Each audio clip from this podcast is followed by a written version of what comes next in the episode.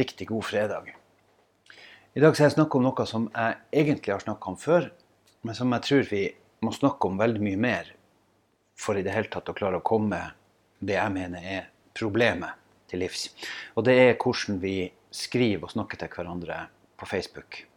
For det er, virker på meg som om at man av og til helt fullstendig glemmer alt som handler om høflighet og normal oppdragelse når man skriver. Eh, så snart man ikke ser mennesket man er i dialog med, så blir det liksom så forferdelig mye enklere. Jeg kjenner meg igjen i det. Det er forferdelig mye enklere å skrive et brev der du skal være eh, opptrekt, eh, oppfylt, der du skal kreve din rett. Min, for meg er det veldig mye enklere å ta det skriftlig enn å skulle ta det ansikt til ansikt. Fordi når du tar det ansikt til ansikt, så har du plutselig et fjes å forholde deg til. Da kan du se om det du sier, påvirker vedkommende. Du kan merke om stemmeleiet ditt, om ansiktsuttrykkene dine, om faktaene dine, om færene dine, og ikke minst om ordene dine treffer. Om de sårer, om de skaper engasjement, eller om de rett og slett ødelegger. Og I noen tilfeller så ødelegger ord. Vi kan si ting til hverandre som er uhyre sårende. Dette vet vi fra f.eks. skolegården. De aller fleste av oss har opplevd en eller annen form for erting eller ja, sågar mobbing i skolegården. Og det er mange måter å takle det på. Og det er mange måter å oppfatte det på. Og noen ganger så blir kanskje det som var ment som normal erting, bare oppfatta som ren mobbing. Mens i andre tilfeller så er det akkurat det det er. Og vi kjenner alle til problematikken omkring når vi begynner å jage i flokk. Når den kule drar oss med, og vi går løs på hakkekyllingen ute i skolegården. Og det skjer veldig ofte på Facebook. Det skjer veldig ofte akkurat her på dette mediet her. Da er det at vi i de ekkokameraene som vi har Fordi min Facebook-profil er veldig har følgere som vil følge med, og som har mye godt det samme verdisynet som jeg har. Og Da blir det veldig lett at dem som leser det jeg sier, de kommenterer også på det. Og Dermed så får man et såkalt ekkokammer. Og her drar vi i flokk. Og her skaper vi egentlig ingenting nytt. Vi kommenterer på hverandre, vi gir hverandre støtte, og vi fyrer egentlig i mange tilfeller bare opp mer og mer og mer. Noen ganger så er det til det positive. Hvis man legger ut et bilde av den nye, fine kjolen sin, eller at man har endelig tatt på seg kofta, så er det veldig deilig å få tilbakemelding fra alle sine følgere om 'se hvor flott du er'. 'Nei, du er fin'. Og det er godt, og det er bra.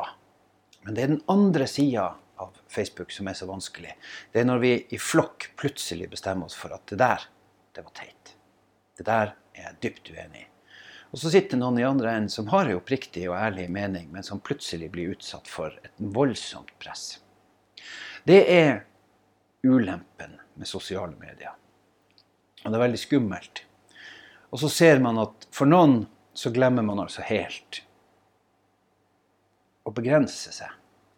Og Jeg har sagt det før, og mitt beste råd til alle som bruker Facebook og som bruker kommentarfelt, det er Spør deg sjøl om du virkelig må det.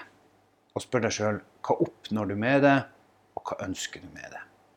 Hvis du kommenterer på en sak, hva er det, hva er det du egentlig vil? Hva er det du tenker at du skal oppnå med det? Og hvis du mener at det her kommer, til å, det kommer til å gjøre en forskjell, så for all del. Del det, kommenter det, lik det, eller ikke lik det. Men hvis du tenker at nei, det her har ikke noe for seg, i dette området her er det stort sett folk som er uenige med meg, så spør det heller er det verdt det.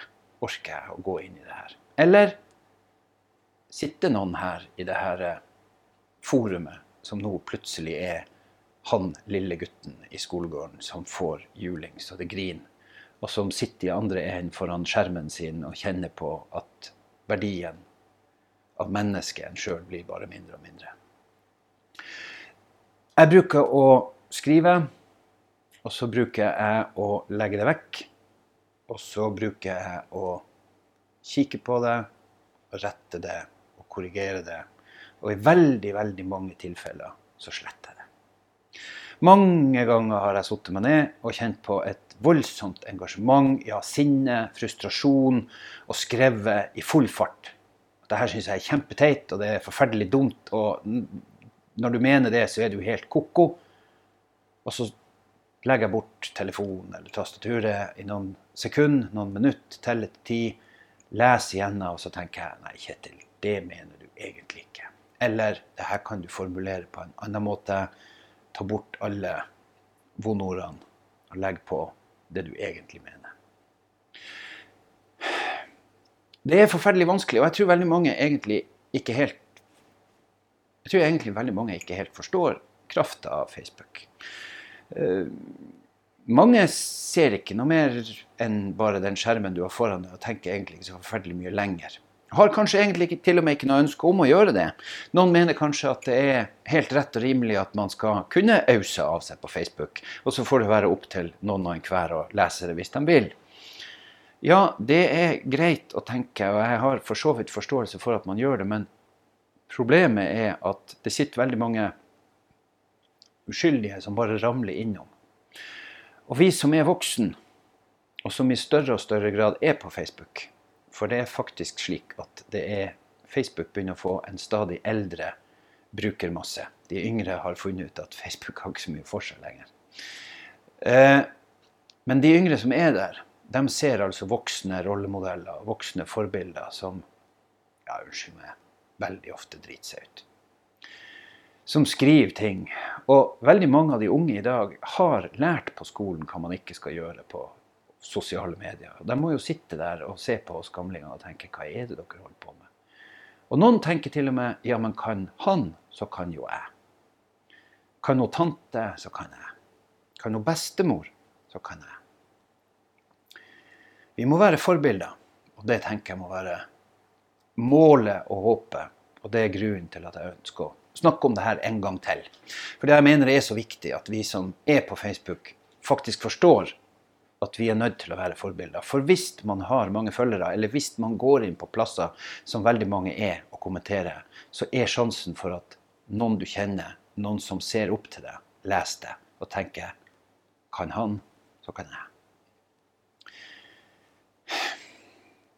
Jeg håper dere følger mitt lille råd om å tenke dere om. Hvis dere er dypt uenige med meg, så igjen, det er helt i orden. Det, det er greit. Vi skal være uenige man lærer ingenting hvis man alle går rundt og er enige. Jeg har ingenting imot at folk er uenige med meg, men jeg håper at vi kan være saklige. At vi kan droppe unødvendige karakteristikker og begreper som omtaler folk. Du kan være dypt uenig med noen uten å kalle dem en idiot. Du kan til og med mene at noen er en idiot uten at du skriver det, uten at du sier det. Du kan tenke det inn i det, og så kan du etterpå tenke ja, er nå jeg så smart, da?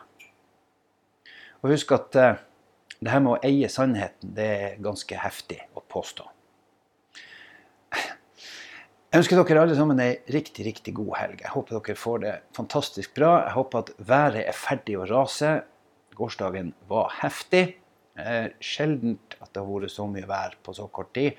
La oss håpe at det kan være rolig noen en periode framover. Men jeg hører jo lavtrykkene står i kø. Jeg håper dere får ei fin og god helg. Og så igjen, hvis dere må ut og kjøre, skal ut og kjøre, så kjør pent og forsiktig. Og er dere ute og går, husk nå endelig å bruke refleks. Og så høres vi igjen. God helg.